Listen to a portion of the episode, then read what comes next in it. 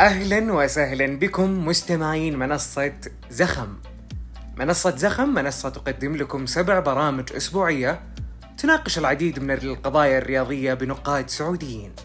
وفي زخم يستمع لنا أكثر من 15 ألف مستمع في كل أسبوع عبر برامجنا المميزة. والآن في منصة زخم نستقبل الشراكات أو الرعايات عبر المنصة من خلال الإيميل الموجود في وصف الحلقة. أما الآن أترككم للاستماع للحلقة ولا تنسون الاشتراك والتقييم. السلام عليكم ورحمة الله وبركاته. حياكم الله جميعا مستمعي بودكاست تكتل. في هالحلقة اللي نرحب آه، فيكم بهالحلقة اللي عقب التوقف الدولي اللي كان آه، نوعا ما كانت فيه بعض الأشياء المثيرة للجدل نوعا ما كانت فيه بعض التصريحات اللي آه، بعض المدربين طلعوا فيها زي لوي فان خال وكأس العالم ومشكلة جيدن سانشو اللي استمرت وكثير من المشاكل اللي ممكن تشوفها في الرأي العام آه، في كرة القدم بشكل عام تحديدا آه، لكن هالشيء هذا يخلينا نقول الحمد لله الكرة رجعت لأن المشاكل اللي تصير في التوقف الدولي ما هي إلا مشاكل إعلامية بس ما هي ما هي بشيء تشوفه في أرض الواقع نواف كيف الحال؟ هلا وسهلا حياك الله. آه، مساء الخير آه، للسادة المستمعين ومبروك عودة الكورة. آه، رغم إنها ترى مؤقتة يعني ثلاث أسابيع بنرجع الأسبوع الفيفا. هذا عاد هذا عاد حال وش- ما نقدر نسوي شيء. نواف آه، خلينا نبدأ بس بشكل سريع. ندخل على طول. إحنا اليوم يمكن ما عندنا مقدمة بسبة كثرة المواضيع اللي موجودة. يونايتد مرة ثانية. وثالثة ورابعة وخامسة وسادسة. في بودكاست تكتل أنتم ما تتكلمون الا عن يونايتد؟ آه، صحيح. هذا أكثر ترى إيميل جانا الأسبوع الماضي اللي قبله إنه ليش بس تتكلمون عن يونايتد؟ مشاكل هناك. إحنا إيش نسوي يعني؟ نتكلم على مين؟ نتكلم عن ليستر سيتي اللي فاز على ساوثهامبتون يوم الجمعة. الناس الناس لازم تستوعب شغلة. الناس لازم تستوعب شغلة. السنة اللي فاتت أكثر نادي تكلمنا عنه تشيلسي. هو تشيلسي صحيح. وتوتنهام. صحيح. تكلمنا عنه بشكل ما هو صح. طبيعي. في كل حلقة والثانية كنت أنا أتكلم مع نواف إنه إحنا ما عندنا إلا هالنادي ما عندنا إلا تشيلسي. صار بودكاست تشيلسي. ما عاد صار بودكاست آه، صح. ال- ال- التكتل ولا بودكاست للبريمير ليج بشكل كامل. ولا بنقعد نتكلم عن آه، مشاكل ولا قضايا نادي توتنهام وانتوني كونتي. ويوم يوم آه، راح انتوني كونتي. اتذكر إحنا إلى لحظة إقالته تكلمنا عن توتنهام في كثير. في ظهر من ثمان حلقات تكلمنا عنهم في أربع مرات. صح. تكلم عنهم في أربع مرات. مانشستر يونايتد إلى حلقة آه، مباراة ليفربول يمكن ما تكلمنا عنهم إلا مرة واحدة اللي هي في مباراة نهائي الكاس صح. نهائي كاس الرابطة. اليوم مان يونايتد حديث الساعة. اللي يتابع البريمير ليج واللي ما يتابع البريمير ليج يبغى يشوف إيش اللي صاير في مان يونايتد. صح. أبى أبدأ فيك أول شيء. وش رأيك في المباراة؟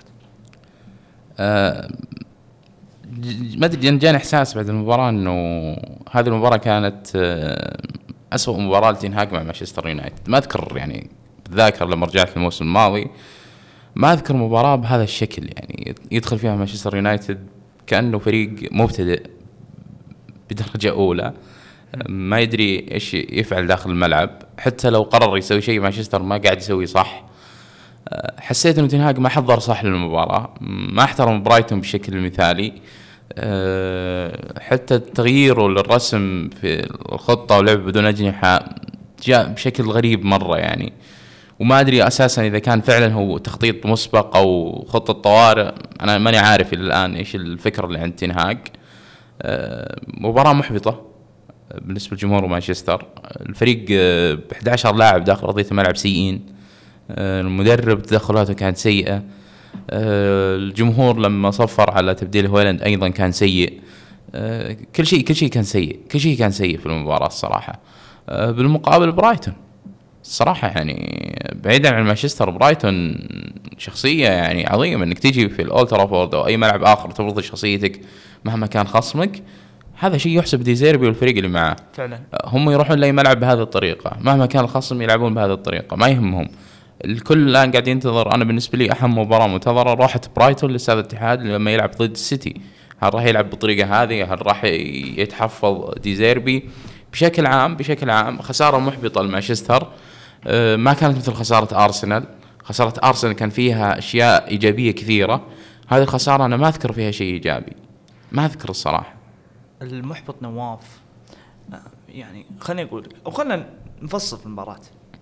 يونايتد بدأ اونانا صح ديوغو دالوت ليساندرو مارتينيز وليندلوف كقلبي دفاع وسيرجيو ريجيلون الظهير الجديد اللي جاء في ال deadline في آخر ساعات الميركاتو بسبب ال- الإصابات أو أز أو بسبب أزمة أزمة الظهير اليسار اللي موجودة.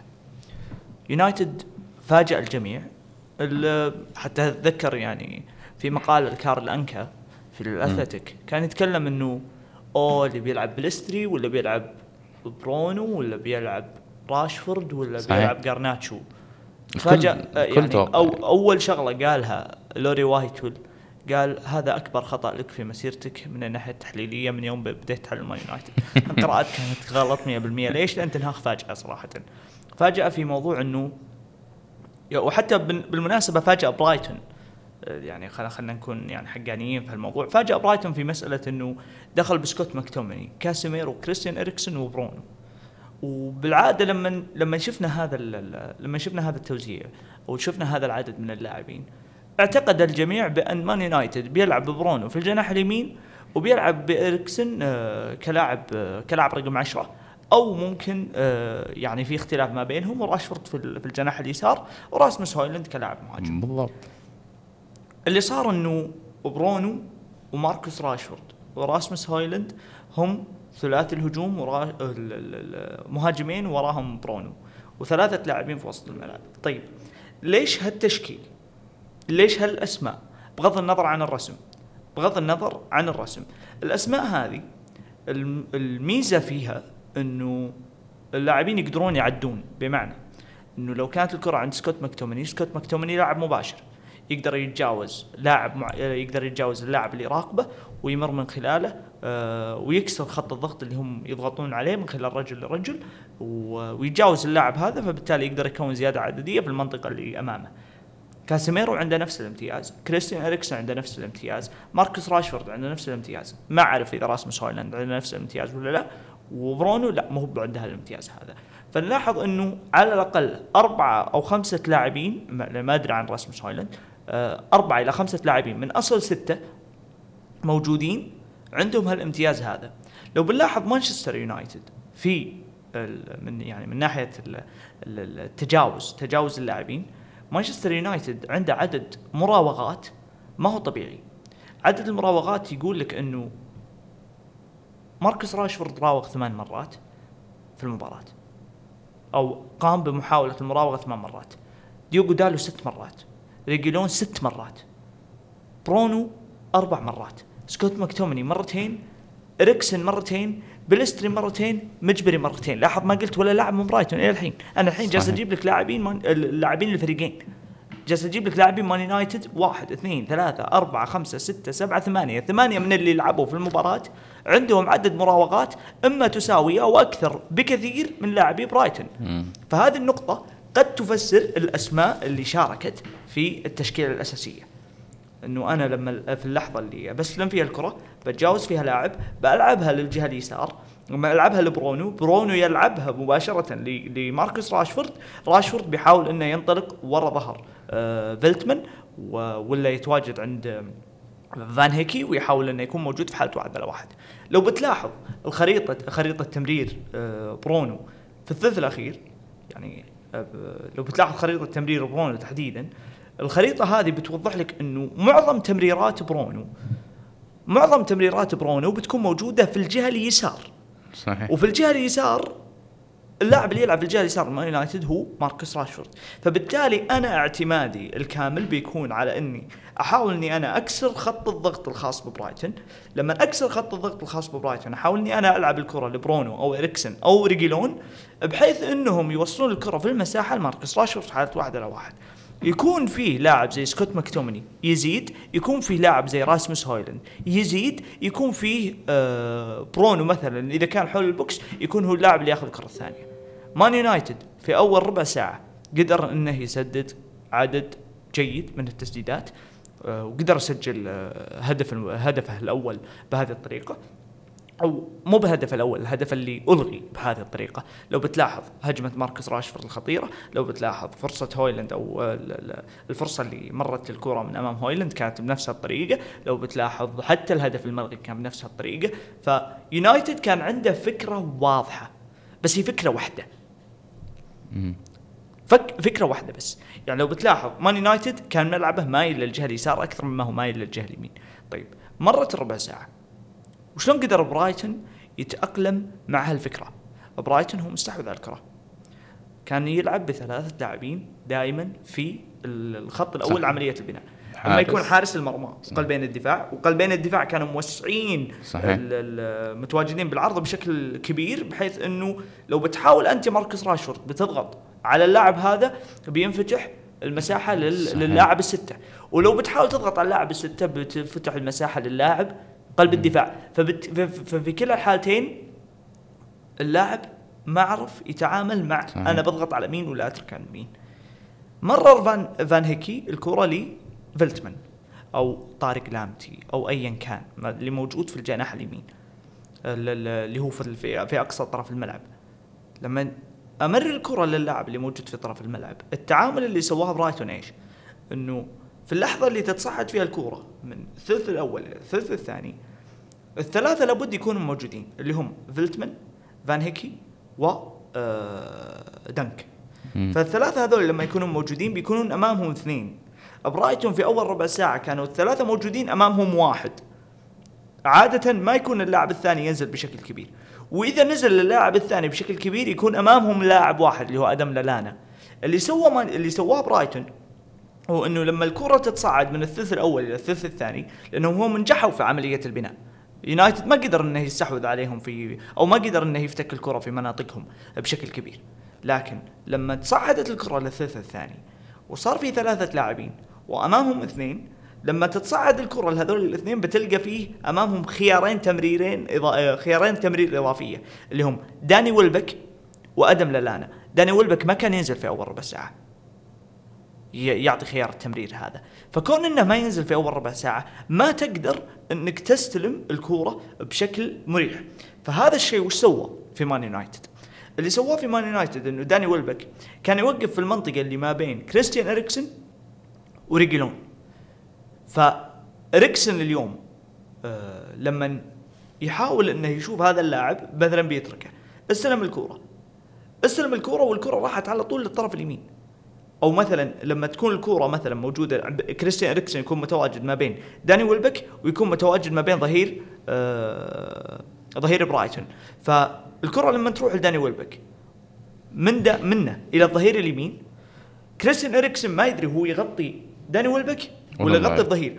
أو هل هذا اللاعب اللي أو سيرج سيرجيو ريجولون هل هو يتقدم يغطي الظهير ولا يترك ادينجرا لحاله فهذه النقطة أو هذول اللاعبين الاثنين ما كانوا يحصلون على المساندة من ماركوس راشفورد. لأن أنت الآن لما تلعب بالدايموند اللي بيغطي الظهير أو اللي بيغطي الجناح في هذه المنطقة هو لاعب وسط الملعب. فبالتالي بتحتاج اللاعب المهاجم عندك يغطي الفراغ اللي موجود اللي بيتركه لاعب الوسط لما يروح يغطي طرف الملعب.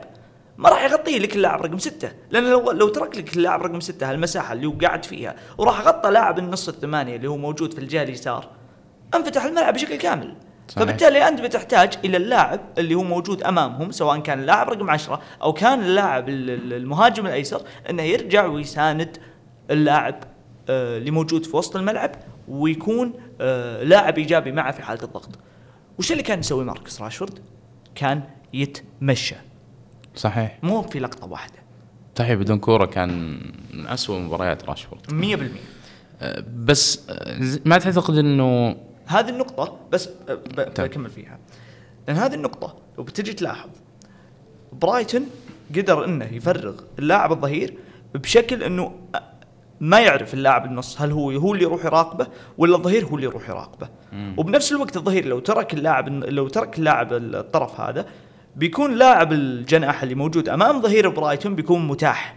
فبالتالي هو ما يقدر أو ما يدري هل هو يتركه ولا يروح مع اللاعب الظهير. فهذا الشيء يخلق نوعا ما تساؤلات في في في, في عقل اللعيبة اللي موجودين اللي هم اريكسن وريجيلون. وجينا بالجهة الثانية بنجي نشوف سكوت ماكتومني وديجو دالو بالمناسبة. ما راح ما راح تشوف آه، واحد ثاني.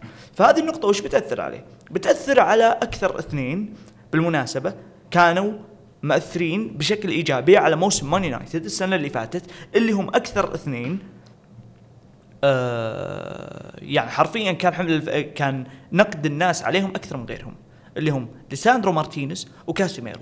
لا ننسى هذول الاثنين كانوا جايين من أمريكا الجنوبية يلعبون مباريات آه في وقت متأخر وطبيعي جدا. لو بتشوف أنت اللاعبين اللي موجودين من أمريكا الجنوبية في الجوله هذه تحديدا معظم مستوياتهم ما كانت عادية فهي مستويات سيئة. إنزو كانت مستوياتها عادية. ولو بتلاحظ ريتشاردسون كان مستوياته عادية. ولو بتلاحظ اللاعبين اللي موجودين في ليفربول كانوا في الدكة بسبب الجوانب البدنية.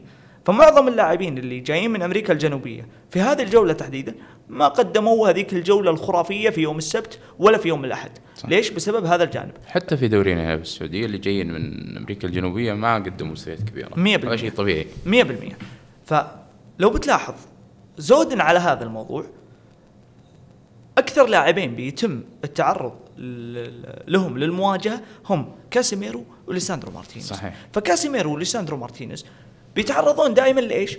للمواجهة دائما من قبل داني ويلبك ولا هذا. فأنا وين أغطي؟ أروح هنا ولا أروح هنا ولا أروح هنا ولا أروح هنا؟ فهذه النقطة أدت إلى أن ال system ينكسر بالكامل في الحالة الدفاعية.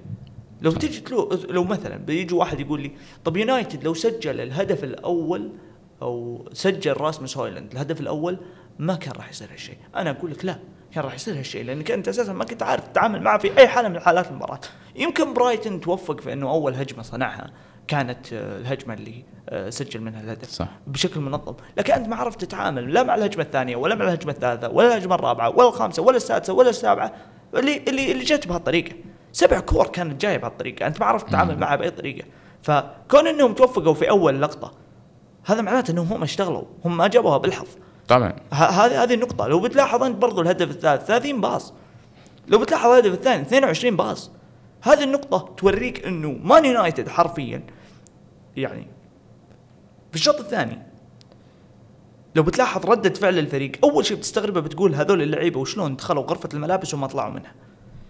لكن لو بتلاحظ مثلا ردة فعل برونو في الهدف الثاني لو بترجع للهدف الثاني في أول ثوانيه المقطع منتشر بتويتر يعني. واضح معروف. مو بالهدف الثالث هدف جواو بيدرو لا هدف باسكال جروس. هدف باسكال جروس لما كانت الكرة موجودة مع قلوب الدفاع كانوا كانوا يمررونها لباسكال جروس بعدها للظهير بعدها لقلب الدفاع. برونو كان واقف وقوف تام من الامتعاض لأنه إيش؟ لأنه يائس ما يقدر يضغط.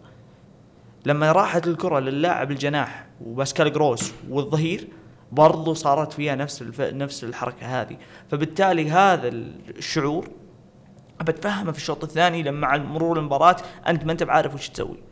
لما نجي أشوف إنه مان يونايتد تدخله في تغيير ال system كان في الدقيقة 85 هنا معناتها تعامل كارثي من ايريك تنهاخ هذه النقطة لو بتجي تقول لي مثلا ايريك تنهاخ قال أو أو خلينا نقول آه، سوى تعديلات آه، بين الشوطين أو سوى تعديلات آه، في الدقيقة 60 أو سوى تعديلات ايا كانت. التعديلات هذه ما كانت ناجحة. فكون إن التعديلات هذه ما كانت ناجحة إذا كانت هي بس ما هي ناجحة تكتيكيا بس المشكلة بس تكتيكية بس تكتيكية هذه ما هذه ما هذه ما هي مصيبة بالنسبة لي. ما هي مصيبة لأنه عادي في مدربين يخطون تكتيكيا وعادي إنه مباراة تفلت منهم وإنهم يخطون في قراءتها ولا هي مشكلة. يعني إريك تناخ ورانا جودته في قراءة مباريات وحنا كنا بودكاست تكتل نشيد بقراءة إريك تناخ في مباريات كثيرة. ولا هي مباراة برايتون بتخليني أقول إنه أوه إريك تناخ تعامله مع المباريات سيء قراءته في المباريات سيئة وإلى آخره. المصيبة بتكون بالنسبة لي إذا هو أعطى تعليمات والتعليمات لم تنفذ في أرض الملعب. طيب هل في سؤال ثاني؟ في سؤال ثاني اللي هو طريقة اللعب اللي دخل فيها مانشستر يونايتد ضد برايتون. هل تعتقد إنها أخذت وقت كافي لل... بالنسبة للاعبين لتنفيذها؟ ما عرفت وش اللي أنت بتوصله. يعني مانشستر يونايتد في مباراة برايتون أول مرة يلعب بدون أجنحة من مدة طويلة. مد يعني أتكلم من جاء تنهاج متى آخر مباراة لعبها بدون نجم 100% إي؟ ما عندي ما عندي أدنى شك في هذا الموضوع. إنه فالادوار ادوار اللاعبين تغيرت داخل ارضيه الملعب. 100% بس وش المقصد؟ المقصد إنه أنا لو بحاول إني آه أنا اليوم مثلا سويت تغيير. التغيير هذا إحنا ما نعرف. هل هو بيكمل مباراة برايتون؟ أو عفوا مباراة بايرن ميونخ مباراة كريستال بالاس مباراة مباراة مباراة. آه فإذا كان هو بيكمل فأنا ما عندي مشكلة إنه هذه تكون هي البداية. فكون إني أنا مثلا ما عندي وقت أجرب فيه وأنا فاقد أجنحتي أنا أتوقع راح تكمل هذا- لسبب اي إذا كان بيكمل فيها أنا ما عندي مشكلة لأنها بيأخذون اللعيبة أوقات كثيرة في التمرين وأنت ما عندك أساسا وقت تتمرن فيه. فأنا ما عندي مشكلة في هذا الموضوع. مشكلتي الكبرى وين بتكون؟ إذا رجع عن ال system هذا ورجع لل system القديم أجل إيش بدلت في مباراة آه، برايتون. هنا المشكلة بالنسبة لي من الناحية التكتيكية. لكن المشكلة الأكبر بالنسبة لي بتكون لو كان هو فعلا معطي تعليمات ما تم تنفيذها. بسبب إيش؟ بسبب إنه التعليمات هذه ما قاعدة توصل. وأنت تعرف قصدي بإيش؟ إنه لما لا لما التعليمات ما قاعدة توصل. مو بإنه اللاعبين ما يبغون يطبقونها بل إنه حنا نحس بالعجز. من جالسين نشعر بإن في مساندة جاية من برا. هم اللعيبة هذول اللي جتهم مساندة من برا في الدقيقة 15 قلبت لهم المباراة. وش المساندة اللي جتنا من برا؟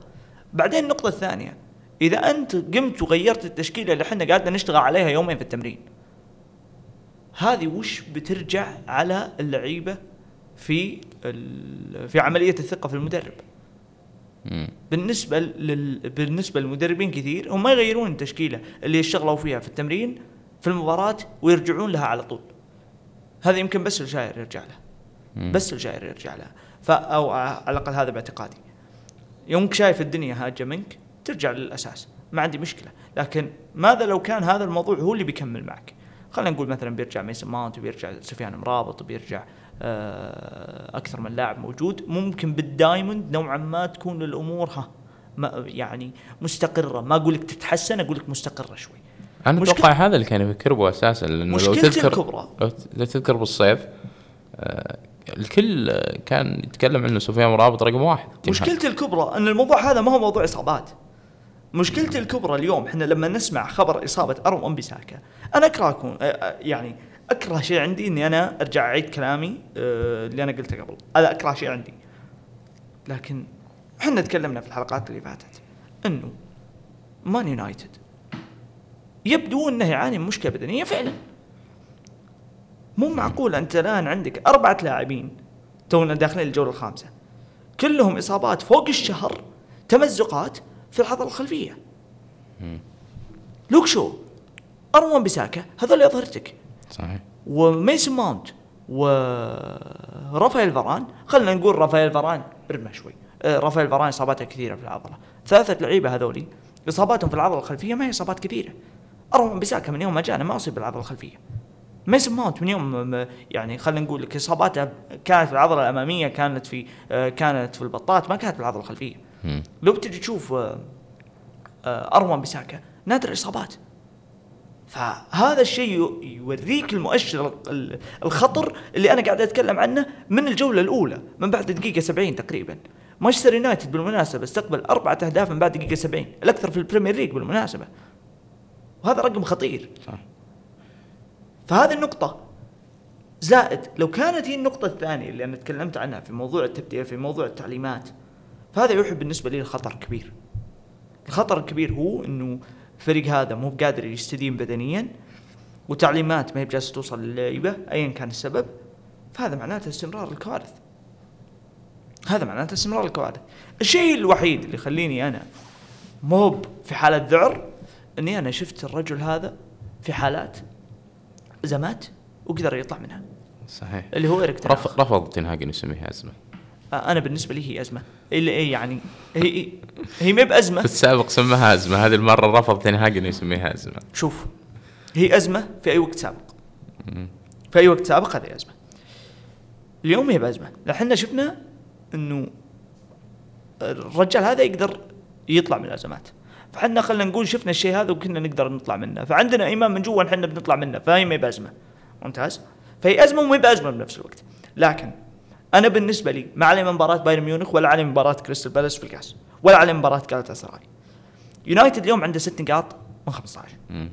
يونايتد اليوم لو كان آه، أو أنت أنت عارف مواسم الإقالات؟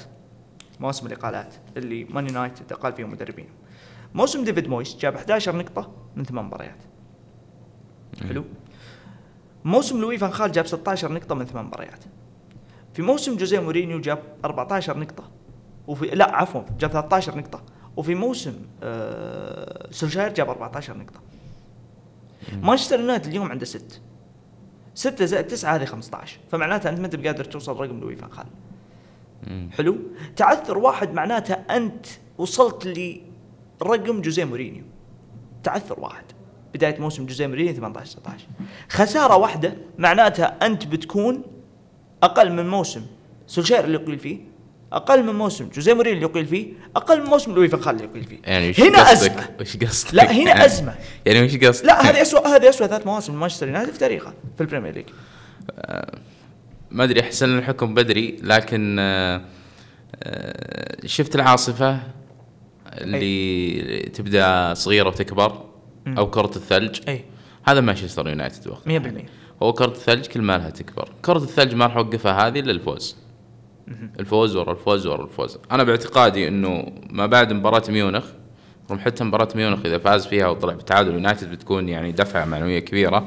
لكن من مباراة بيرنلي إلى مباراة برينتفورد ما قبل التوقف الدولي وكل المباريات راح تلعب في ملعب كلها مباراة بيرلي خارج ملعبك. مفترض إنك تطلع فيها كلها بفوز. دوري الأبطال تسعة من بالكاس تسعة التسعة من تسعة شيء الزامي أنا, أنا ما يهمني بس الدوري. المباريات هذه كلها لازم تفوز فيها. لازم تظهر في الأسبوع أكثر من مباراة إنك كويس. مو تفوز بالدوري تخسر دوري الأبطال وتتعادل تعثر. لا ورني في كل أسبوع خلال هذه الفترة الجاية إنك كويس. عشان تروح للتوقف الدوري القادم وأنت مرتاح. أنت أساسا من نهاية الصيف بدأ موسمك بضجة. ضجة جرينوود دخلت بضجة وضجة وضجة ولا زلت إلى الآن بضجات. أنت محتاج الهدوء. أنت محتاج الهدوء. فالهدوء هذا ما راح يجي إلا بالفوز. أنا ماني متشائم. أنا ماني متشائم نهائيا. أنا أعتقد إنه تنهاج كثير مواقف قدر يقلب كثير من الأمور. وهذه المرة راح يقلب كثير من الأمور. لأنه في كثير عناصر ما استخدمها إلى الآن بسبب الإصابة. وعنده كثير آه، لاعبين أنا أعتقد إنهم ركيزة أساسية في تشكيلته. واعتقد إنه حصل على لاعب قطعة راح تصنع فارق كبير في مانشستر يونايتد في الجولات الجاية اللي هو هويلاند. لاعب حتى أمس ضد ارس عفوا ضد ضد برايتون ضد أرسنال. اللاعب قاعد يعطي بوادر إيجابية كثير. تحركاته أمس إيجابية. حركاته أمس بدون كورة مرة ممتازة. فأنا شايف في أزمة نعم في الوقت الحالي في أزمة لكن هذه أزمة قادر تطلع منها. تطلع منها بإيجابيات وتقدر تطلع منها بنقطة تحول. نفس خسارة الموسم الماضي لما خسرت من برايتون. طلعت منها بعدها بنقطة تحول. واعتقد ان الفريق عودنا على هذه الأشياء. أنا كنت أكلم خالد الطشه خالد أبو طلال اللي حاط بتهرب بجوارديولا مشجع مانشستر سيتي يمكن معروف. يمكن تعرفه. أين؟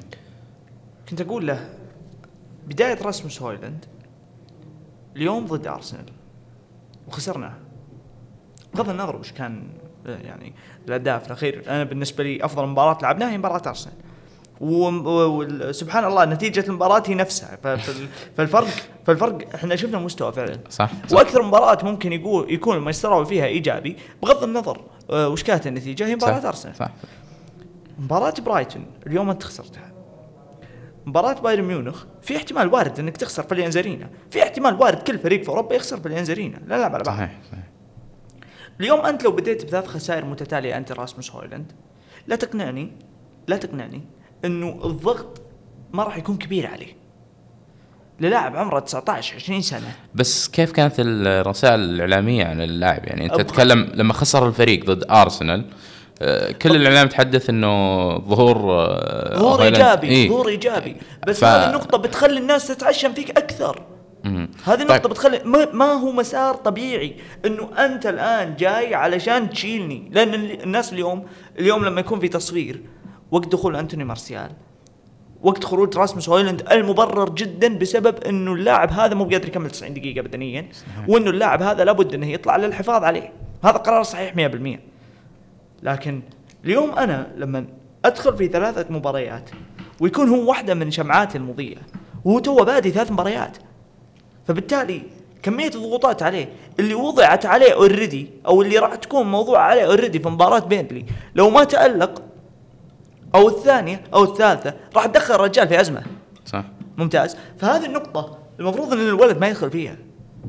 ما يدخل فيها في أول عشر مباريات على أي أساس هو يدخل فيها في أول عشر أو حتى ما يكمل عشر مباريات.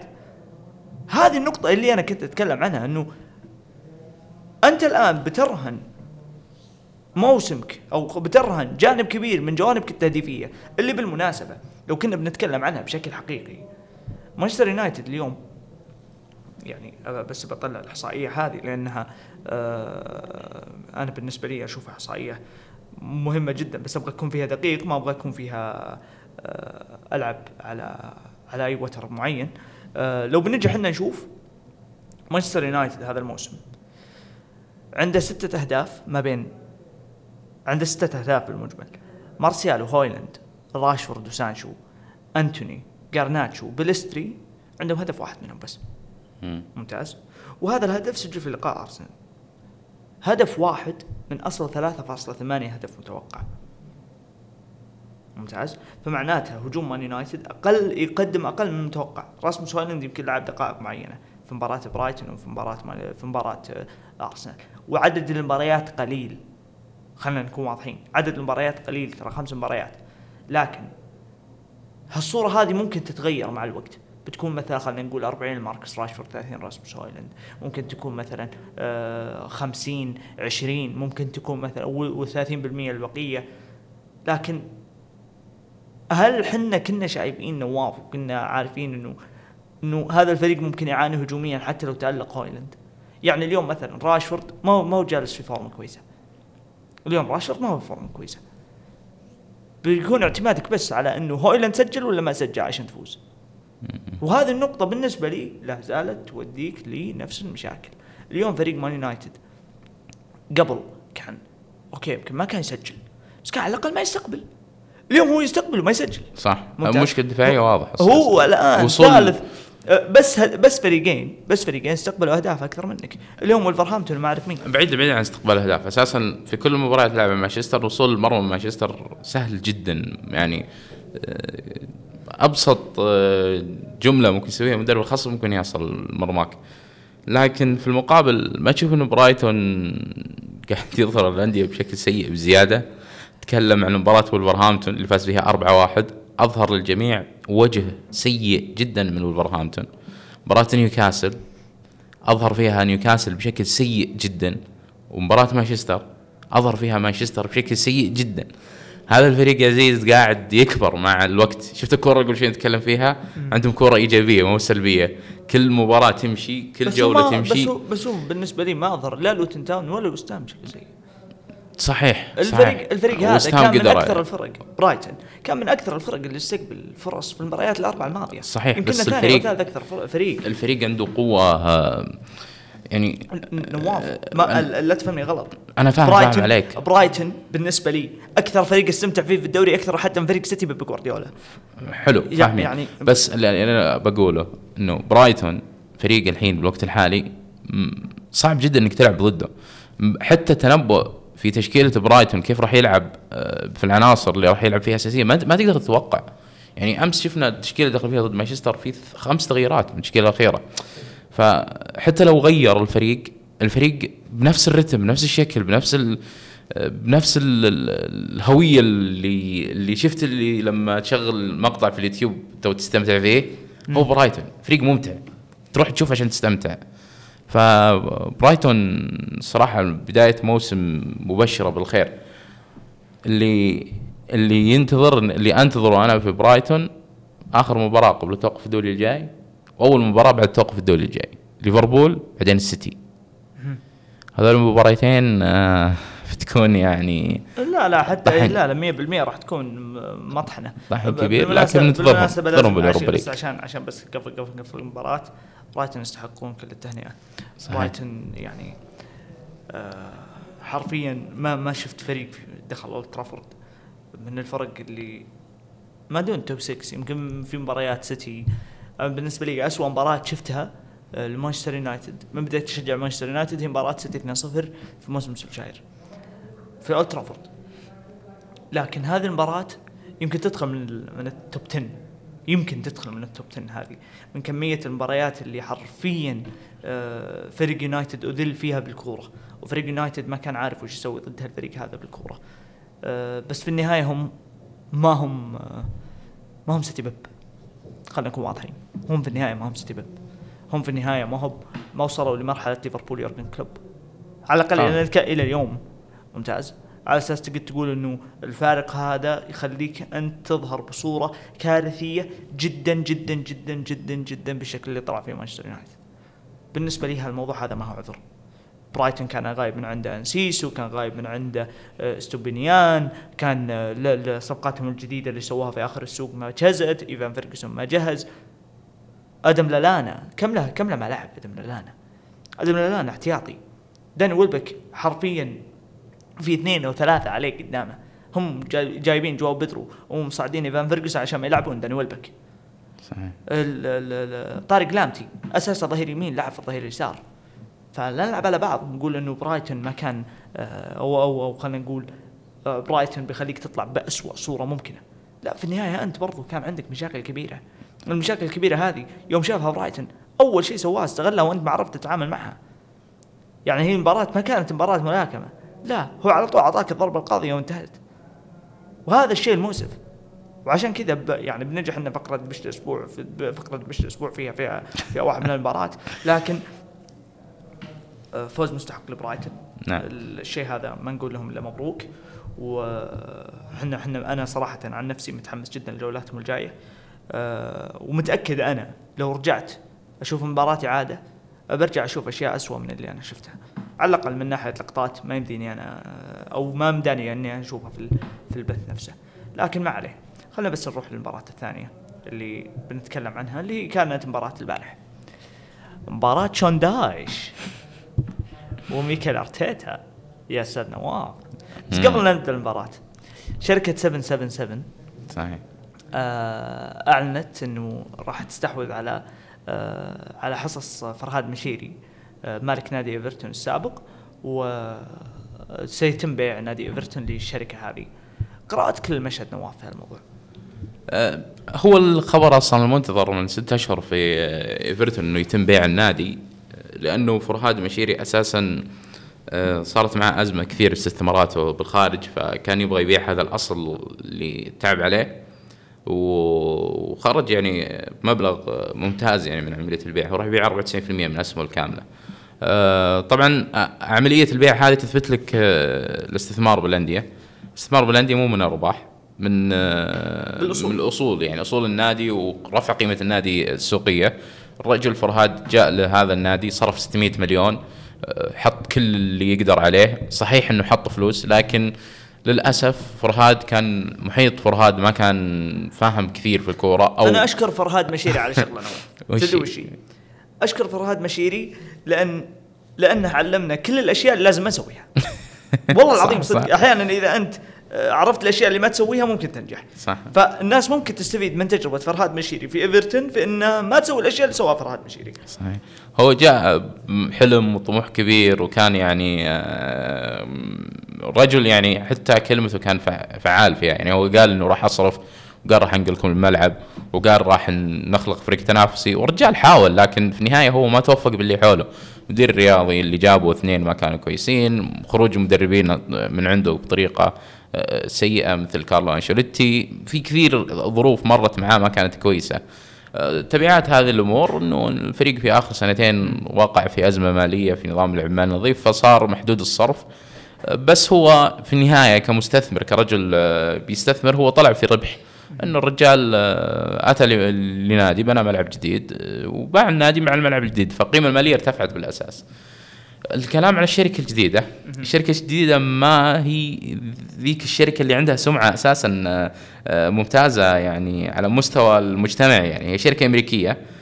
وإذا تم اعتماد الصفقة ممكن تأخذ شهرين عشان تتم تقريبا. راح يكون عاشر نادي أمريكي موجود بالدوري من اصل 20 آه، نادي. وهذا رقم كبير باقي لهم صوتين وياخذون ثلث أصوات الدوري في عملية التصويت باقي باقي يحطون القرارات الأمريكية وال لو صعد لو صعد ليدز باقي يحطون درافت وباقي يحطون إيه, إيه لو صعد ليدز السنة الجاية صعد ساوثهامبتون أنا أقصد القوانين نادي. الأمريكية إيه. اللي موجودة مثلا زي ال draft زي مثلا هذا ال playoffs لا، لا لا، لا, يعني لا، باقي لا. الاشياء في البريمير ليج لا هم يبغون ال 39 الجولة 39 الفكرة اللي تم رفضها 2008 يبغون يرجعون يرجعونها يلعبون جولة 39 بالدوري تكون في أمريكا. جولة أخيرة آخر جولة في في الدوري راح تكون بالقرعة.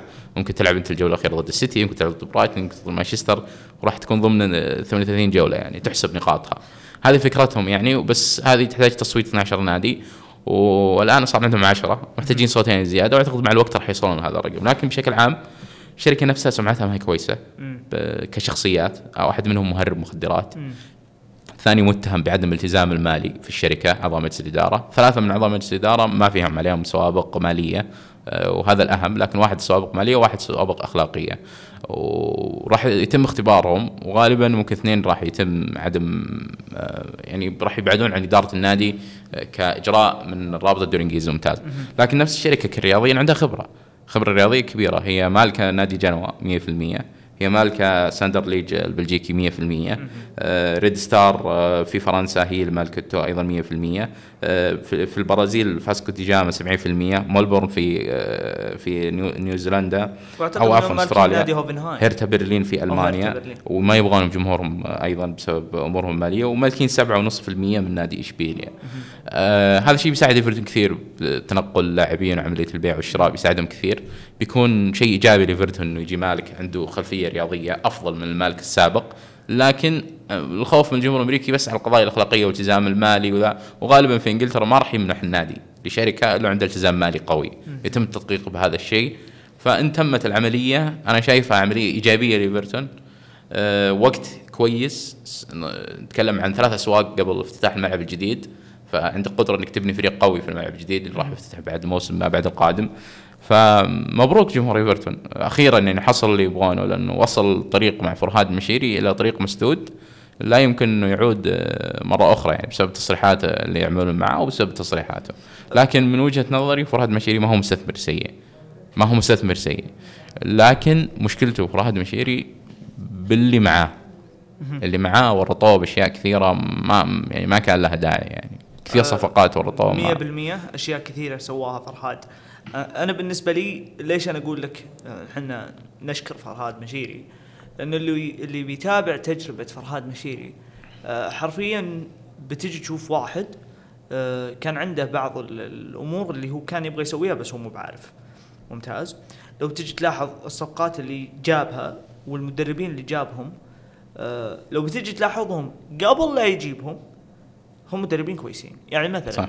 الفكرة اللي هو كان يبغاها في موضوع ماركو سيلفا اليوم ماركو سيلفا بعد ما طلع من إيفرتون راح الاولمبياكوس حقق الدوري وراح الفولهام بعدها وحنا الحين قاعدين نشوفه مع فولهام في system أفضل في نادي أفضل قاعدين نشوفه يقدم مستويات ممتازة ولولا هالشيء هذا يعني ما كانوا الناس آه، آه، عندنا بالذات ال- ال- خلينا نتكلم في آه، رابطة دوري المحترفين بالذات المدير الرياضي إيمينالو يفكر في أنه يجلب للدوري عندنا أكثر من مرة اللي كريستال بالاس وأكثر. وأكثر من نادي وأكثر من وأكثر من مدير رياضي كان يبغى يتعاقد مع ماركو سيلفا بسبب العمل اللي هو كان يقدمه سواء كان في واتفورد ولا كان في هال سيتي ولا كان في آه، حتى إيفرتون بالمناسبة وكريستال وفلهام ف لكن لو ب... حتى لو بنشوف برضو كارلو أنشيلوتي ولو بنشوف مثلا الأسماء اللي تم التعاقد معهم في فترة فرهاد مشيري سام ألاردايس حطه في النص ما حد يدري. أبشر عشانك سام ألاردايس لكن لو تجي تشوف الأسماء اللي تم التعاقد معهم كمدربين هم ما هم مدربين سيئين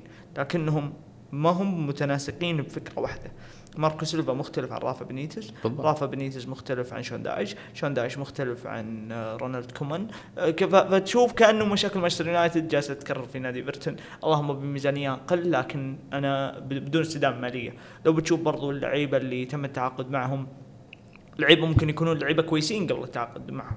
ولعيبه لا زال يمتلكون الإمكانيات. يعني مثلا لا تقنعني إنه لاعب زي ريتشاردسون ما هو لاعب عنده إمكانيات ولا لاعب آه، معدوم الإمكانيات ولا لاعب ما يقدر يقدم إضافة. نفس الشيء على أكثر من لاعب موجود. لكن الفكرة في الموضوع انهم أما تجمعوا بالوقت الغلط ولا إنهم مجمعين ومركبين وهم ما يقدرون يتركبون؟ مو على بعض. اي فهذه النقطة بالنسبة لي إنه لو بنجي نشوفها، نجي نشوف موضوع الملعب، نجي نشوف موضوع المدراء الرياضيين، نجي نشوف موضوع إنه ال- ال- ال- الأزمة المالية الاقتصادية، بنجي نشوف تعامل النادي مع أزمة كورونا اللي ما كان كويس بالنسبة لي، تشوف أكثر من شغلة تخليك تقول إنه هذه التجربة بشكل كامل هي تجربة جيدة مفيدة لأي نادي كرة قدم على أساس ما يرتكب الأخطاء اللي سواها فرهاد مشيري لأنك إذا ارتكبت الأخطاء اللي سواها فرهاد مشيري بتلقى نفسك من فريق mid table إلى فريق دائما موجود في صراع الهبوط صح. وفريق يعني ما يقدر يطلع نفسه من صراع الهبوط إلا بمعجزة إلا إذا كان في ثلاثة أسوأ منه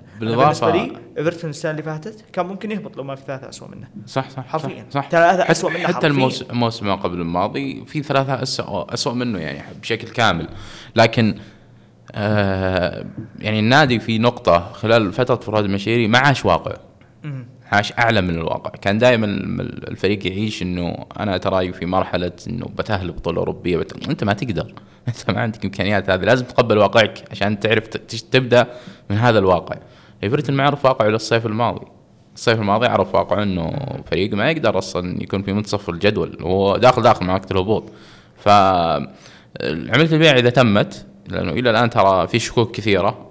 يعني آه، أوكي الطرفين النادي والشركة اتفقوا وأعلنوا اصدروا بيان بس ممكن على كل شيء لكن في اختبارين راح تكون موجودة اختبار الحكومة واختبار الرابطة. آه آه، ليش الحكومة راح تدخل في هذا الموضوع؟ لأن نفس الشركة مقدمة عرض أيضا لشراء آه فريق في كره السله في بريطانيا. فممكن يكون في تضارب مصالح فيتم آه فحص العملية. فاختبار الرابطة هو الأهم هو الصعب أساسا. أنا أعتقد إنه لو تجاوزت شركة اختبار الرابطه ما راح تتجاوز أي شركة هذا اختبار. خذها قاعدة. المعايير مرة عالية ماليا واداريا. آه، عكس السابق يعني كل سنة هذا الاختبار قاعد يتطور قاعد يتعدل قاعد مثلا الحين آخر تعديل على هذا ال- ال- الموضوع هو حطوا نص في القانون الجديد اللي تم تحديثه قبل بداية الموسم. أي فرد موجود في الشركة يتم الشك فيه لا يدخل في عملية النادي. في السابق لا. أنا أنا أقيس على الشركة بس ما أقيس على الأفراد بس. فالحين الرابطه لها حق تمنع فلان يتدخل في قرارات آه، النادي أو يتدخل في اجتماعات النادي.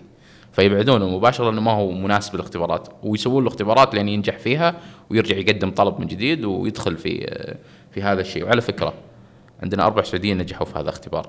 مباشرة في نيوكاسل. اربعه مباشرة بدون أي آه، دورات أخرى. ما شاء الله ويعتبر من. أعلى الاختبارات اللي يتم التدقيق فيها في عالم كرة القدم. ما في اختبار يتم التدقيق فيه بالفرد. بهذه الطريقة. آه، الاختبار يجرى بمقابلة شخصية كمان ونقاش وشرح واختبار مرة مطول ممكن نتكلم عليه في حلقة ثانية نشرح بشكل تفصيلي لأنه مرة طويل هذا الاختبار. نشرح لكن- وش السالفة إن شاء الله. بوش السالفة؟ ما في مشكلة. بودكاست بوش إيش السالفة. نشرح فيه ما في مشكلة. لأنه اختبار مرة دقيق مرة على أدق التفاصيل عزيز. على أدق التفاصيل. أنا تكلمت مع ناس اشتغلوا بهذا الاخت- الاختبار. على أدق التفاصيل يسألونك فيها. مرة دقيق. فحتى يطلبون منك كشف لدرجاتك في الجامعة. لا لا شيء شيء ما هو آه، شيء. شيء ما هو طبيعي هذا اختبار وهو تطور مع الوقت وكل وقت يتطور التعديلات اللي تدخل عليه. لكن لو نرجع ليفرتون خمس مباريات أربع خسائر تعادل آه، ثلاث خسائر على جوديسون بارك 1-0 كلها. آه، كيف شايف إيفرتون؟ شون دايش؟ نواف أكون معك صادق. مباراة البارح بالنسبة لي هي أكثر مباراة أنا كنت أنتظر- أنتظرها. لإيفرتون آه، مقارنة بالمباريات اللي فاتت. لكن آه، لو بتلاحظ إيفرتون في المباريات اللي فاتت كانوا يصنعون فرص بشكل كثير. صحيح. لكن حرفيا الجودة كانت معدومة في الثلث الهجومي. ال- الجودة كانت معدومة يعني لدرجة أنهم أسوأ فريق عندهم معدل تحويل التسديدات إلى أهداف. أقل فريق عنده أو أكثر فريق عنده gap ما بين أهدافه وأهداف المتوقعة في البريمير ليج كله.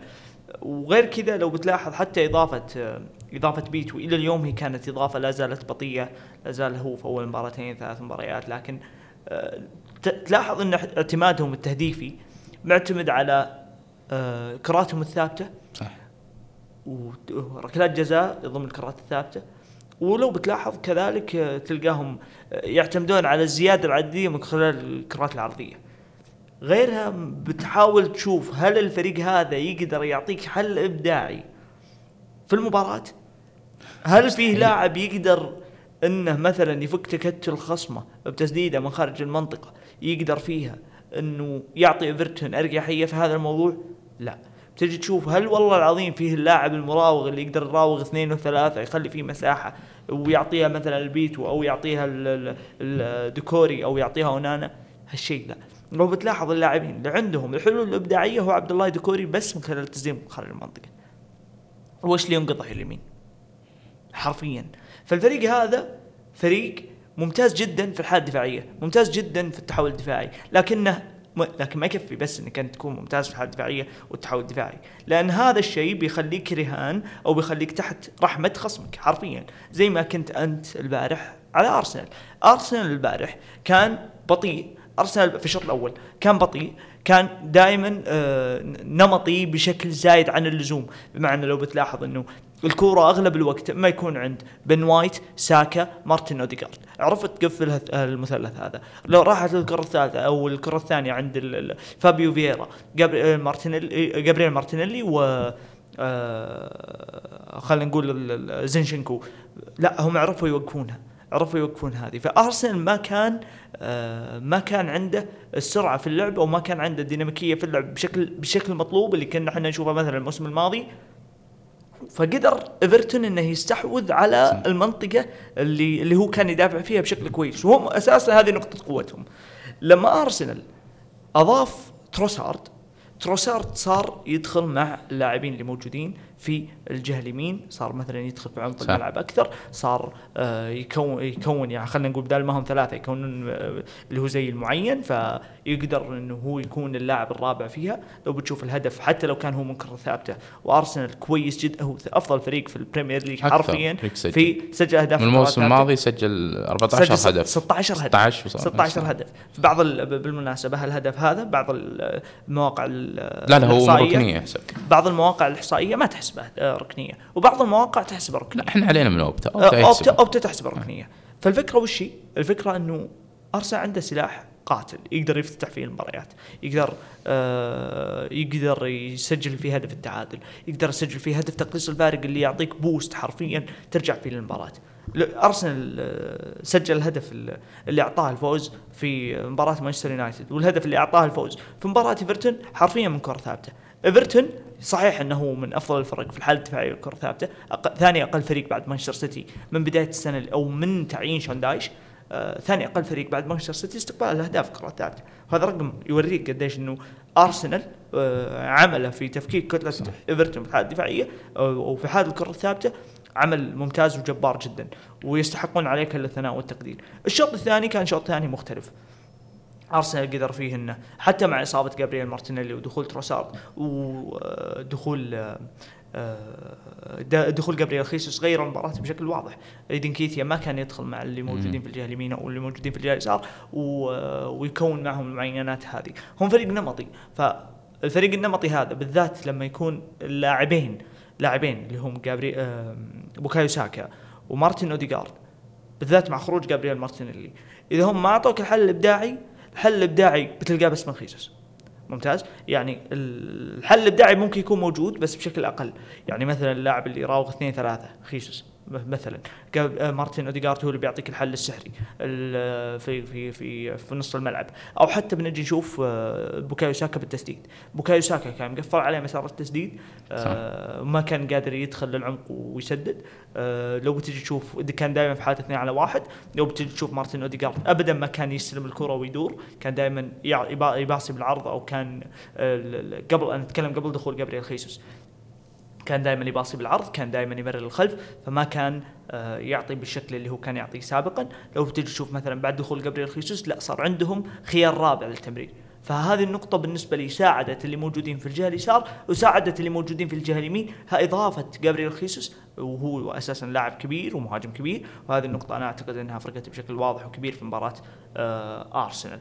آه وهالشيء هذا لو بتجي تلاحظ أنه تواجد جابريل خيسوس يفرق بشكل كبير عن إيدين كيتيا مهما سجل إيدين كيتيا من أهداف.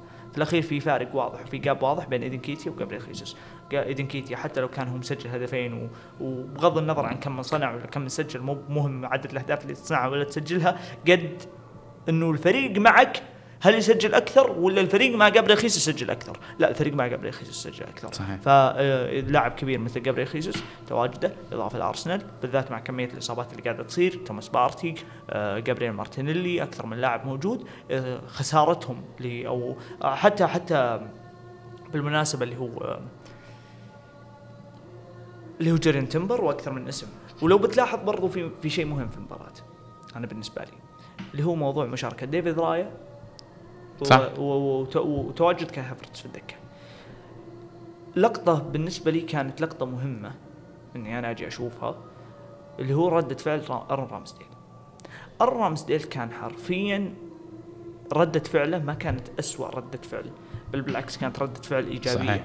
بتجي تلاحظ بعد نهاية الشوط الأول يوم جو اللاعبين بيدخلون لل- للنفق بالشوط الثاني كان هو ينتظر شيء صح. شوف. ينتظرون النفق وهو أول لاعب يحييهم.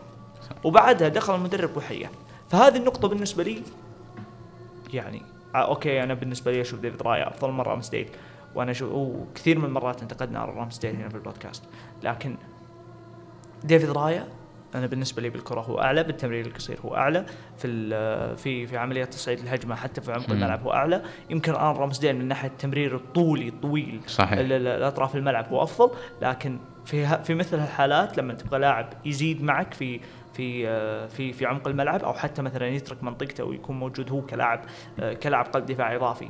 أنا بالنسبة لي ديفيد راي أفضل فأنا أشوف إنه هذه إضافته. الخطر هو لما أزمة الثقة تدخل عند الحارسين بسبب هذا الموضوع.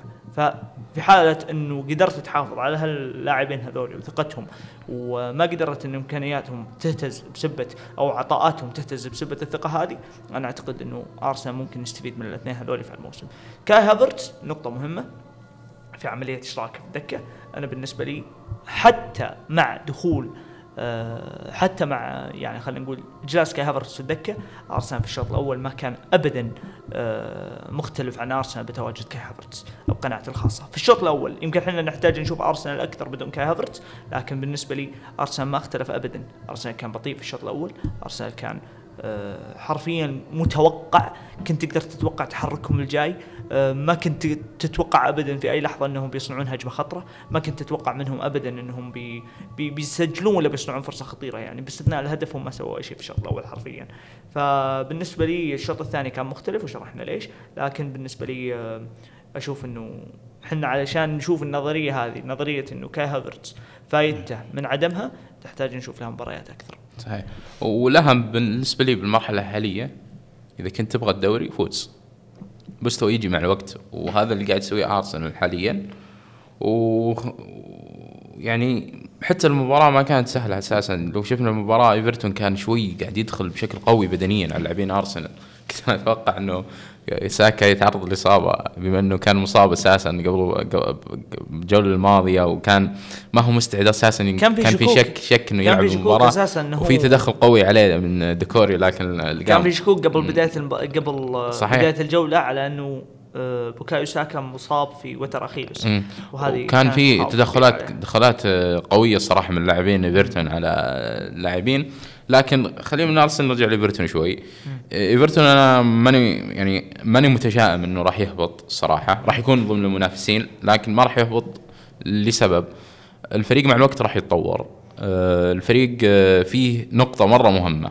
الرمز؟ لا خليك من الر... هذا شيء أكيد الرمز. آه إضافة جاك هاريسون الناس تنساها. جاك هاريسون ترى أنتقل ليفرتون إذا الناس ما تعرف لاعب ليدز يونايتد نظام الإعارة راح يجهز في مباراة أستون فيلا. في الكاس. بالنسبة لي أهم مباراتين ليفرتون آه، بالربع الأول من الموسم هي ما بعد الجولة القادمة، الجولة القادمة برينتفورد خارج ملعبه الجولتين ما قبل التوقف ال- الدولي راح يلعب ضد لوتون تاون في جودسون بارك بعدين راح يلعب بالجودسون بارك مرة ثانية ضد بورنموث هذه الجولتين لازم يفوز فيها إيفرتون لازم يفوز. وقتها الفريق نقاط أربع نقاط كويسه لا أنا أشوف إنه لازم يفوز فيها إذا كان يبغى ياخذ أفضلية. ليش؟ لأنه بيرلي قاعد يعاني لوتون تاون قاعد يعاني. تكلم عن ولفرهامبتون قاعد يعاني فعندنا أكثر من نادي قاعد يعاني نقطيا. فأنت تأخذ أسبقية في البداية تفك عنك الضغط شوي ممكن تطلع أه، تخلي خصمك يعاني إيه. بالضبط. دام في أحد سيء منك تحت لازم تضغط عليه أكثر لازم تضعه تحت الضغط. إذا خسرت أنت راح تكون في هذه الوضعية أنت راح تكون تحت ضغط أكبر.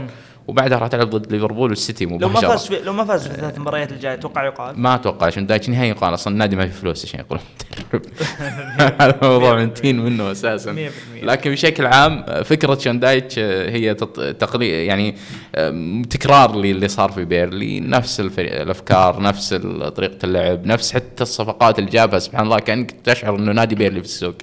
أه، واضح إنه المدرب ناوي يلعب مهاجمين كالفت لوين وبيتو مع الوقت. أه، وثنائية أه، كريس وود ورودريجيز ثنائيه فوكس وهذه واضح إنها بتتكرر أه، مع مع المباريات الجاية لما يجهز كالفت لوين 100% أه، أنا ماني متشائم صراحة بإيفرتون بالعكس أنا أشوف إنه قادر وبقوة والبقاء مع شون دايتش 100% آه طيب إحنا جالسين ننتظر إيفرتون وجالسين نشوف آه آه الشيء اللي هم ممكن يقدمونه في الأسابيع الجاية. تتوقع آه شاندايش يقدر يقلب الموازين كالعادة. أتوقع والله إيفرتون ترى ك إيفرتون كجولات كمباريات في الجولات الماضية ما لعب ترى بشكل سيء من النواحي الدفاعية. كانت مشكلته الهجومية أكبر. اذا إذا قدر أساسا إذا قدر يخطي موضوع آه، تسجيل الأهداف وتحويل فرص الأهداف بيكون كويس. أنا أتوقع إنه يعني آه، ايفرتون بيبشر بالخير في الجولات الجاية. لكن قبل قبل لا نطلع لتشيلسي أو ليفربول آه شفنا ردة فعل فولهام على موضوع بالينيا وبايرن ميونخ. شفنا كيف النادي آه قدر اللاعب أعطاه آه إجازة خلال التوقف الدولي. وجدد عقد اللاعب وحسن العقد. أنا أسميه تحسين مو تجديد رغم إنه مددوا المدة لكن بشكل واقعي هو تحسين للعقد يعني ارضاء للاعب بسبب انهيار انتقاله لبايرن ميونخ. شفنا أيضا ردة فعل من لاعب في مباراة لوتن تاون قوية كان بالملعب داخل بكامل تركيزه نسى هذا الشيء. بالنسبة لي هذا هو الأهم بالنسبة هذه هي الصورة الكبيرة اللي فولهام لأنه خسارة متروفيتش وبالينيا بنفس السوق كانت بتكون كارثة على فولهام. 100%. كارثة كبيرة كانت بتكون كان فولهام بيكون بوضع إنه يدخل معركه الهبوط بدون نقاش بعيد عن النتائج الأولية اللي ممكن تكون جيدة مع الوقت راح يدخل في هذه المعركة لأن الجودة قلت بشكل كبير. الآن رهان فولهام الكبير بالينيا لكن اليوم صدرهم أخبار سيئة. اليوم أسمع بودكاست لكريستا بالاس. آه، آه، روي هودسون طبعا كلنا نعرف إنه ما حضر في مباراة أستون فيلا بسبب المرض. النادي متخوف إنه المدرب يتق- يتقدم في استقالة بسبب حالته الصحية. آه، رجال كم عمره؟ 75 ولا 80 لا لا 78 78 فإحنا نتكلم عمره كبير. آه، كريستال بالاس حط خطة بديلة إنه يكسر عقد ماركو سيلفا ب 5 مليون باوند ويجيبه. بنصف الموسم براتب أعلى. آه، فهذا الموضوع ممكن يكون مقلق بالنسبة لفولهام لازم يتأكدون من هذا الشيء لأنه ماركو سيلفا ما هو على الوفاق. مع إدارة النادي ابدا. نهائيا اللي كان اللي كان يصير. اللي كان يصير في الصيف. إلى الآن رجال رافض التجديد بالمؤتمر الصحفي الأخير بعد مباراة لوتن تاون سالوا عن التجديد. قال أنا عقدي ساري لنهايه الموسم وهذا العقد الموجود بيني وبين النادي. ما أعتقد في نادي يعني أنت قاعد تشوفه يمشي بهالطريقة وتشوف وضعه بيكون وضع صحي. أنا ابدا ما أعتقد بهالشيء. لو بتجي تلاحظ مثلا آه، فولهام. أوكي تجديد عقد بالينيا إشارة احترام كبيرة للاعب وإشارة تقدير واضحة وكبيرة. لكن آه، هم أساسا هم أساسا كانوا يتفاوضون مع بالينيا من زمان يا نواف. صح. هم كانوا يتفاوضون مع بالينيا من زمان. ف ال- ال- النقطة هذه ما أنا ما راح أستبعد أبدا أن يكون في شرط جزائي موجود. يتفعل الصيف الجاي ما يتفعل الشتوية هذه. يتفعل الصيف الجاي في عملية في أي عملية بيع تايلر تايلر ذكر في الإكسبريس ذكر إنه آه، إنه فولهام كانوا أساسا ناويين تجديد عقد آه، بالينيا من مدة صحيح. لكن اللي صار ما بعد انتقال بايرن ميونخ تحول موضوع التجديد إلى تحسين العقد. من أجل إرضاء اللاعب فقط. وهذه نقطة أنا هذا التحسين والتجديد التحسين والتجديد عزيز في فرق كبير بينها. لازم الفرق بين التجديد والتحسين هذا أتوقع إنه تحسين ما هو تجديد. فينتقل يناير وارد ينتقل بالصيف وارد مرة يعني ما استبعد نهائيا. 100% وسعره صار واضح في السوق 80 مليون. 80 مليون أعتقد خلاص يعني سعر لاعب سعر فولهام قبل عرض. كون إنه كون إنه لاعب مثلا بعد الأسبوع هذا اللي خلص اللي هو في فترة التوقف الدولي الماضية كون إنه مر واللاعب كان يقدم مستويات واللاعب يلعب واللاعب ما تمرد اللاعب ما. تنكر الفريق بالنسبة لي هذه تعطي إشارة إيجابية عن اللاعب أكثر من أي شيء ثاني. توريك عقليته الكبيرة لأنه مو بأي أحد يجي يشوف إنه بايرن ميونخ تم رفضه من قبل نادي فولهام. وأجي والله العظيم من نادي فولهام مستانس مبسوط ما عندي أي مشكلة وأروح وأجدد عقد واحسن عقدي معهم. أنا بالنسبة لي هذه إشارة إيجابية للاعب وإشارة إيجابية للنادي اللي بيتعاقد معه ويفكر يتعاقد معه. صحيح. فبالتالي محظوظ جدا اللي بيتعاقد مع آه، بلينيا لاعب ممتاز. وأنا متأكد إنه بيقدم إضافة لأي فريق هو يروح له. خلينا بس نختم مواضيع الحلقة عندنا قبل ما نروح الفقرات. آه، بتعثر جديد لنادي تشيلسي. آه التعثر اللي أنا بالنسبة لي تشيلسي لعب في أسوأ مباراة لهم في المباريات الخمسة هذه. حتى بورموث. آه يعني هذه النقطة بالنسبة لي لو أجي أشوفها تشيلسي لعب 20 دقيقة بس. لعب 20 دقيقة في المباراة. وكون إنهم يلعبون بس 20 دقيقة في المباراة وهم يبدون المباريات بشكل كويس ترى مرة يعني لو بتلاحظ مباراة يعني اترك مباراة ليفربول مباراة هام بدوها بشكل كويس مباراة لوتن تاون بدوها بشكل كويس مباراة نوتنغهام بدوها بشكل كويس وبرضه مباراة آه، بورنموث بدوها بشكل كويس لكن في اللحظة أو خلينا نقول في مثل عربي يقول ان هبت رياحك فاغتنمها. تشيلسي ما هو بجالس يغتنم هذه ال. ال ال ال الرياح اللي تجيك في أول فترات وبتلاحظ بتشوف تشيلسي بتجي تشوفها واحد من أقل الفرق اللي يستقبل الأهداف أو عفوا يسجل أهداف من من خلال النظر إلى الأهداف المتوقعة. لو بتجي تشوف مثلا الفرق اللي صنعت أكثر فرص محققة للتسجيل بتلقى أكثر ثلاثة فرق وإلا ما يكون واحد منها تشيلسي. ولو بتجي تشوف عدد اهدافه مقارنة بعدد أهداف تشيلسي بيكون تشيلسي سجل خمسة أهداف وهذول سجلوا بلس 10 ففي فارق كبير ما بين عدد الأهداف وما بين استغلالها. آه هذه النقطة ابدا ما تفهم موريسيو بوتشيتينو من الشيء اللي صار في مباراة البارح. بالنسبة لي هذه المباراة ما يتحملها إلا رجل واحد فقط. ما يتحملها إلا رجل واحد فقط، لأنه أنت لما يكون عندك مشكلة متكررة مشكلة متكررة اللي هي تتعلق بكمية أو خلينا نقول آه بثبات المستوى الذهني اللي موجود عند اللعيبة آه مرة وثنتين وثلاث تتكرر معك يعني في مباراة آه لوتن تاون جت فترة شتات لمدة 30 دقيقة. في مباراة آه ليفربول جت فترة شتات في مدة 20 دقيقة. في مباراة وستهام جت فترة شتات لمدة 30 دقيقة. هذه ما بعد ال 20 دقيقة أنت ما لعبت أبد. صح. وهذا خطر. صح. هذا خطر. اليوم تشيلسي حرفيا دخل أزمة نتائج. اليوم تشيلسي لو ما لعب لو ما فاز في المباراة الجاية أو مهاجمينه ما سجلوا في المباراة الجاية راح يدخل اللعيبة بأزمة ثقة. وكحنا كلنا نعرف تشيلسي. تشيلسي ما تفوز أو في الكره بشكل عام. ما تفوز أنت أنت أنت أنت برا. ما تفوز أنت برا. بغض النظر أنت صح أنت مظلوم أنت مظلوم أنت جالس تقدم مو جالس تقدم جالس تشتغل ما أنت جالس تشتغل عمل كويس عملك مو كويس. كورة ما تفوز ما تكمل. انتهى. أنت بيب جوارديولا ولا أنت آه سولشاير ما تفوز ما تكمل. والعكس صحيح إذا أنت قاعد تفوز أنت قاعد تكمل. ممتاز. لكن هذه مؤشرات آه مؤشرات ممكن إحنا نجي نشوفها ونجي نشوف إنه تشيلسي فعليا. آه على الرغم من إنهم في المباريات اللي فاتت كانوا يقدمون مستويات جيدة إلى جيدة جدا بالنسبة لي الا انه هالمباراة هذه ابدا ما هي ما هي مباراة إيجابية. بل بالعكس يعني أنا أشوف إنه جمهور تشيلسي أوكي يمكن بالغ في المباريات اللي فاتت لكن ما أشوف ابدا بالغ في المباراة. مباراة سيئة جدا جدا جدا جدا. أنا أشوف إنه مستوى سيء زي ما ذكرت. أه الفريق آه، شفت لما تشوف تشيلسي في كل الجولات الماضية الفريق يبي هداف. فريق يبي مهاجم اللي داخل الصندوق ما يرحم. تعرف متروتش مع الهلال؟ إيش قاعد يسوي؟ الحين نفس الشيء. الفريق هالاند مع السيتي الفريق محتاج هداف. محتاج هداف هداف هداف. والهداف ما راح يجي للصيف الجاي. هذا شيء منتهين منه. الأهم بالنسبة لي في تشيلسي إنه مدرب يعرف مجموعة أفضل. لسه إحنا في البدايات بداية مشروع جديد. إلى ديسمبر لازم الفريق يبدأ يطلع بشكل أفضل في فترة من الفترات إلى شهر ديسمبر. بعدها بعدها الأمور تختلف فيها في التقييم. بالوقت إيه. الحالي مرحلة بناء مرحلة معرفة فريق. المدرب جديد آه، بيطبق بعض الأفكار تشرب الأفكار للاعبين. كل هذه الأمور تحتاج وقت ما في شيء يجي يوم بليلة. مستوى التنافسي بالدوري عالي مرة ما في بس مباراة لازم سهلة. الرجال يفوز يا نواف إي بس نواف أنا فاهم. لازم يفوز. أنا فاهم. نواف ما ينفع أنت تكمل يعني آه، بغض النظر وش كانت النتيجة. صح صح. أنا أنا متفق معاك. أنا متفق معاك لازم يفوز. الفكرة في الموضوع. الفكرة أنا في مت... الموضوع. متفق أنا ما مختلف معاك. أنا متفق معاك إنه لازم يفوز. بس أنا بالوقت الحالي أنا شايف إنه لسه لسه يعني في حكم مبكر على بوتشيتينو إي ظالم. معك 100% إيه، أنا ظالم مرة. العمل العمل اللي جالس يقدم في الخمس جولات عمل بمجمله عمل إيجابي. بالضبط. ممتاز؟ النتائج ما هي بجالسه تخدم. أنا أتكلم عن هالمباراة. هذه لأنه لو بنجي لو بيجي أي واحد بيجي يشوف عدد النقاط بيقول أنت ما فزت إلا على لوتن تاون الصعد. صح. ممتاز. غيرها أنت ما فزت على أحد.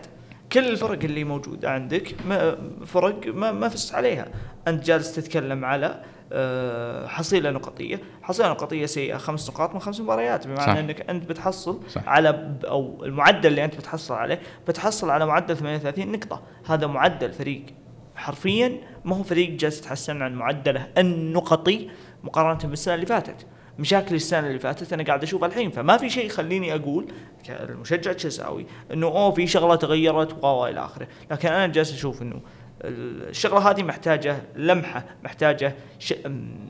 آه، يعني خلينا نقول محتاج لحظة ترجع فيها الثقة للعيبة صحيح. اللحظة هذه ممكن إنك أنت فيها تفوز على فريق كبير الأسبوع الجاي. أو, أو, أو تفوز فيها بنتيجة كبيرة هذه النقطة ممكن ترجع الأمور لنصابها نوعا ما بشكل بسيط لكن آه، في مباراة اليوم أنا أو في مباراة في مباراة الأحد.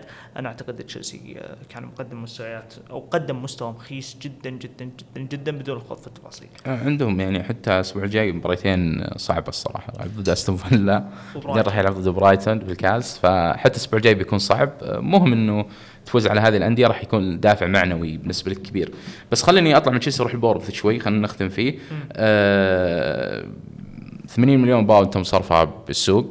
لاعبين جدد تم توفير كل شيء للمدرب أندوني الجديد آه إلى الآن بورنموث ما وصل للاقناع على مستوى داخل أرضية الملعب آه أعتقد أن المدرب دخل مرحلة ضغط في الوقت الحالي ولا أستبعد إقالته إذا تعرض الخسائر في الثلاث جولات الجاية لأنه راح يلعب ضد برايتون خارج ملعبه بعدين راح يلعب ضد أرسنال في ملعبه بعدين راح يلعب ضد إيفرتون المباراة المهمة بشكل كبير اي بس لكل نواف. لو بتجي تتكلم بالواقع هو لعب ضد توتنهام وتشيلسي وليفربول إي بس بس أنا كتقييم ذكرها مالك النادي في التوك سبورت قال أنا تقييم من المدرب ما راح يكون النتائج على مستوى ممتاز أنا ب- ب- مشروعي أنا مشروع جديد أبي أقدم فيه كرة قدم هل ومباراته مباراتهم الجاية ضد برايتون ترى إي بس هل آه. هذا المالك إحنا ما إحنا عارفين عزيز كيف يعمل أنا أنا فاهم أنا فاهم علي؟ عليك أنا فاهم ما عليك. ندري.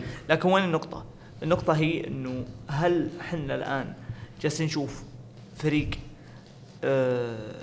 يعمل زي ما كان يعمل سابقا. بمعنى أنت جبت مثلا بدل ما جبت جاري أونيل جبت مثلا بداله شون دايش أو جبت بداله مثلا مدرب زي. بمثل هالطريقه.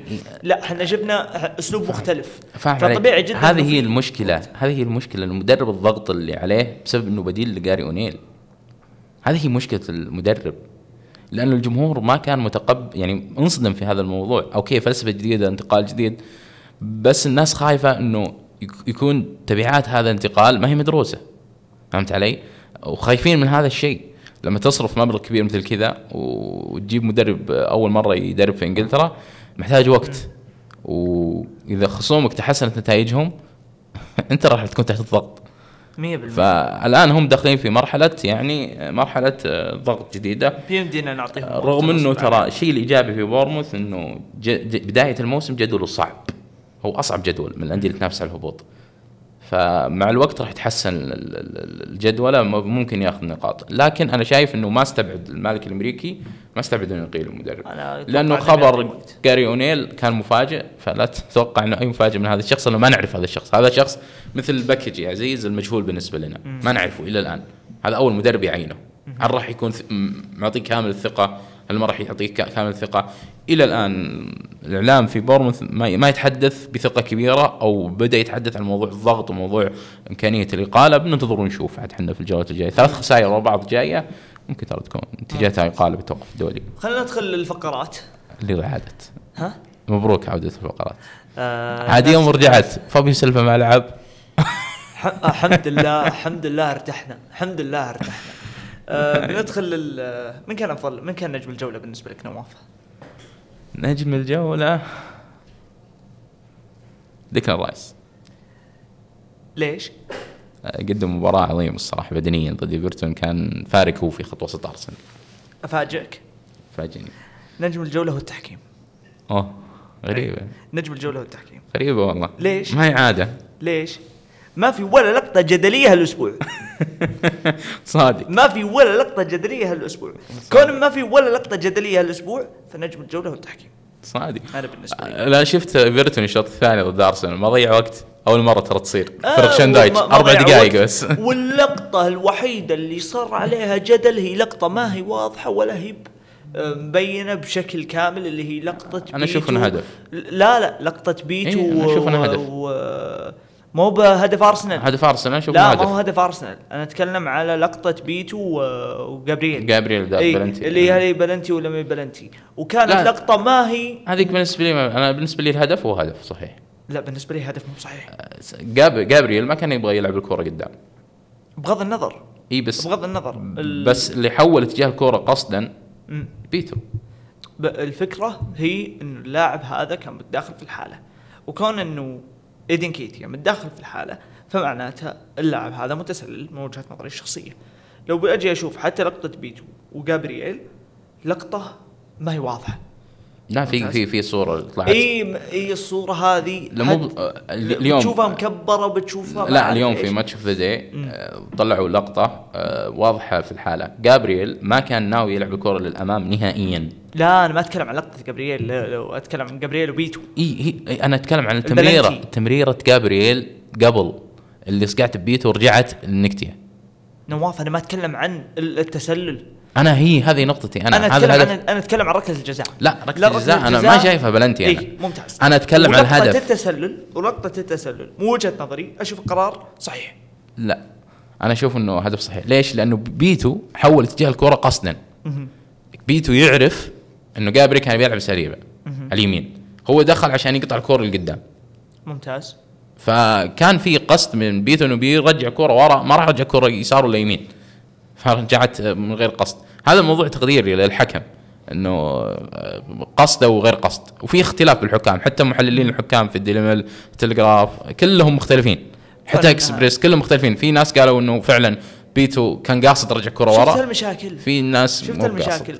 الأسابيع اللي فاتت كنا نتكلم عن لقطات صح، واضحة صح، صح. صريحة عار. صح. صح كنا نتكلم عن أشياء زي كذا كنا نتكلم عن آه، تصريحات لها علاقة بالتحكيم زي اللي كنا نشوف مايك دين. لا صح صح. التحكيم الأسبوع هذا التحكيم. الجوله هذه هادي ورايق ما حد تكلم عن مشاكل تحكيمية. جمهور أرسنال معليش جمهور أرسنال. أنتم متعودين تتكلموا عن التحكيم زيادة حبتين. فالموضوع هذا بالنسبة لي يخلي نجم طيب. الجولة هو التحكيم.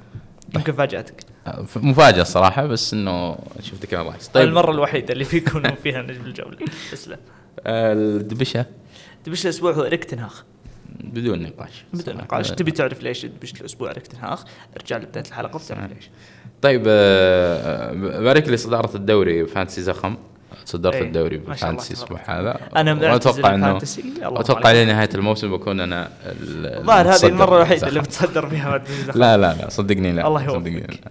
ويوفق كل اللي جالسين آه، أجمعين. شكرا لك يا عزيز الله يعافيك. آه، شكرا لكم آه، أخواننا المستمعين. وصلتنا إيميلات كثيره كثيرة. الأسبوع هذا على موضوع موعد نزول الحلقة. نبي نوضح شيء. الأسبوع اللي فيه إحنا ما نسجل إلا إذا كان في حدث معين ممكن نسجل فيه. حلقاتنا دائما بعد نهاية الجولة. يعني إذا الجولة تنتهي اثنين حلقة تنزل صباح الثلاثاء. إذا حل... إذا الجولة تنتهي الاحد صباح ال- أو عصر أو بالليل يوم الاثنين. فإذا انتهت الجولة الحلقة تنزل. ما راح تنزل الحلقة مباشرة يوم الأحد أو يوم السبت. لا لازم تنتهي كامل مباريات الجولة آه، مباشرة إن شاء الله. عندنا دوري الأبطال الأسبوع هذا إن شاء الله. آه، تكون مباريات مثيرة. كثير مباريات تكون مثيرة. توزيع. المباريات مرة مثالي ضد هاري كين. بيرجع ضد مانشستر في الأولد ترافورد. عفوا في ميونخ بعدين بيجي الأولد ترافورد. في مباريات حلوة الأسبوع هذا بعدين الدوري إن شاء الله. واليوروبا ليج كمان استون فيلا يطلع المرة الأولى من مدة. برايتون للمرة الأولى في تاريخه. بيكون أسبوع أوروبي إن شاء الله مثير. نذكر بس مستمعين بالاشتراك في آه، قناة بودكاست تكتل المنصة اللي تسمعها. الاشتراك مرة مهم بالنسبة لنا. الاشتراك آه، بتحصلوا فوق مباشرة علامة الزايد تضغط على الزر بيعطيك اشتراك مباشرة. أيضا تقييم البرنامج مهم. إيه، إذا كنت ترى انه البرنامج آه، مميز بجانب الملاحظات إذا كانت على المنصة حول الإيميل الموجود في الوصف. وذكر بس إنه في قناة في التليجرام لمنصة زخم موجودة بالوصف. تنزل فيها كل منتجات منصة زخم تقدرون تشتركون في القناة. أيضا منتجات زخم متواجدة طوال الأسبوع آه، لتغطية كل مباريات الدوري الإنجليزي أو الدوري السعودي أيضا في آه، بودكاست خطة. آه، أو أيضا بودكاست شو السالفة اللي يعرض كثير من البرامج الأخرى. شكرا لكم نلتقيكم إن شاء الله في الأسبوع المقبل.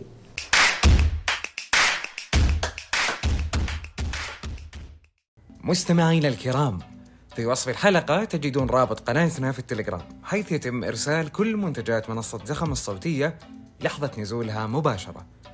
نتشرف بالاشتراك معنا في القناة ليصلكم كل جديد.